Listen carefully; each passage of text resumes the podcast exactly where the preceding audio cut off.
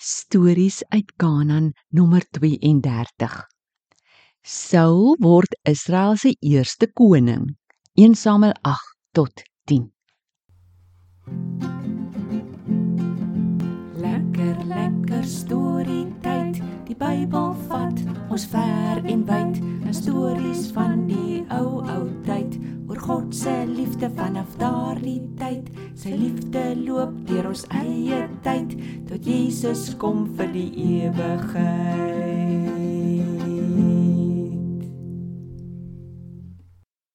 Hallo. Julle al nou. Ooh. Oh, ek is nou so nog.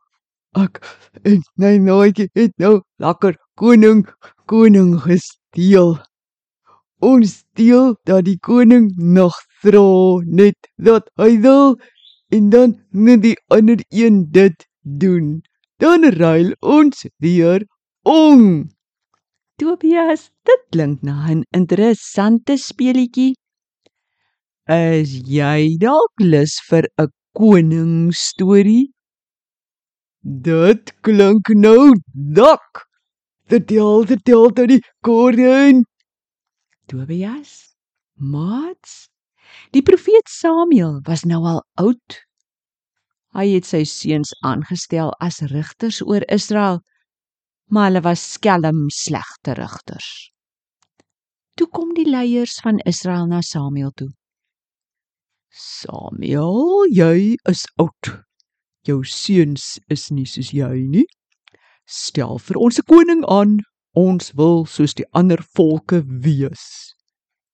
Samuel was baie ontsteld en wou nie.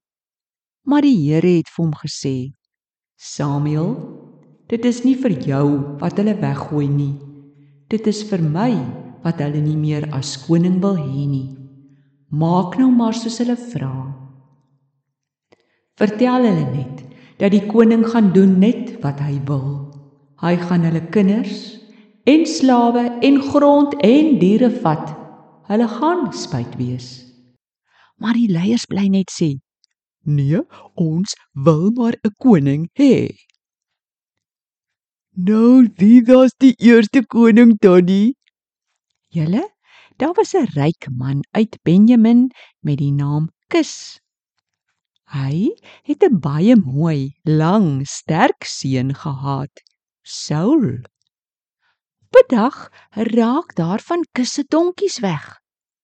Hy vra toe vir Saul en 'n slaaf om die donkies te gaan soek.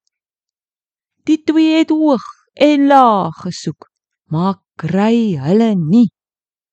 Later sê Saul vir die slaaf, hulle moet maar huis toe gaan, want sy pa sal nou oor hulle twee bekommerd raak.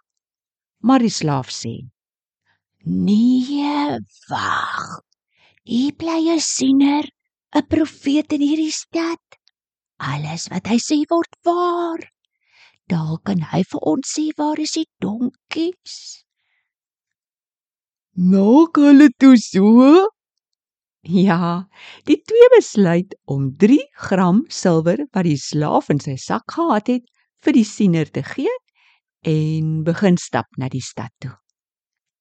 Hulle kom toe 'n paar meisies te en vra waar hulle die siener kan kry.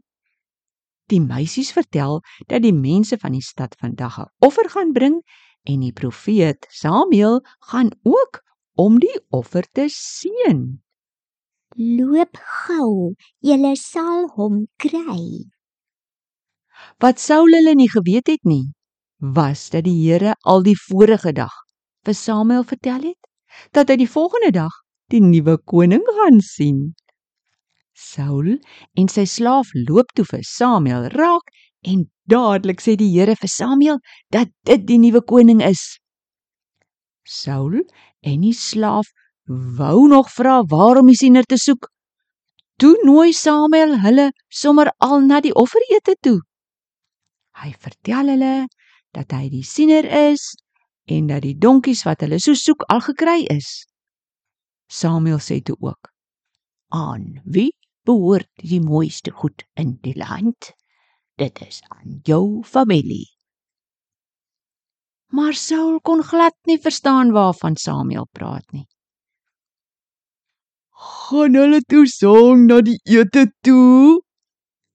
O ja, hulle gaan saam en Saul kry 'n heerlike bord kos. Samuel het al die vorige dag vir die kok gevra om dit eenkant te hou. Hulle slaap toe ook die nag in die stad. Die volgende oggend vroeg maak Samuel vir Saul wakker en sê hy wil 'n entjie saam met hulle stap. By die stadsgrens vra Samuel die slaaf moet vooruitloop want hy wil vir Saul vertel wat die Here gesê het. Samuel vat toe 'n kruik met olie en gooi dit oor Saul se kop. Dit het gewys dat hy gesalf is om koning oor Israel te word.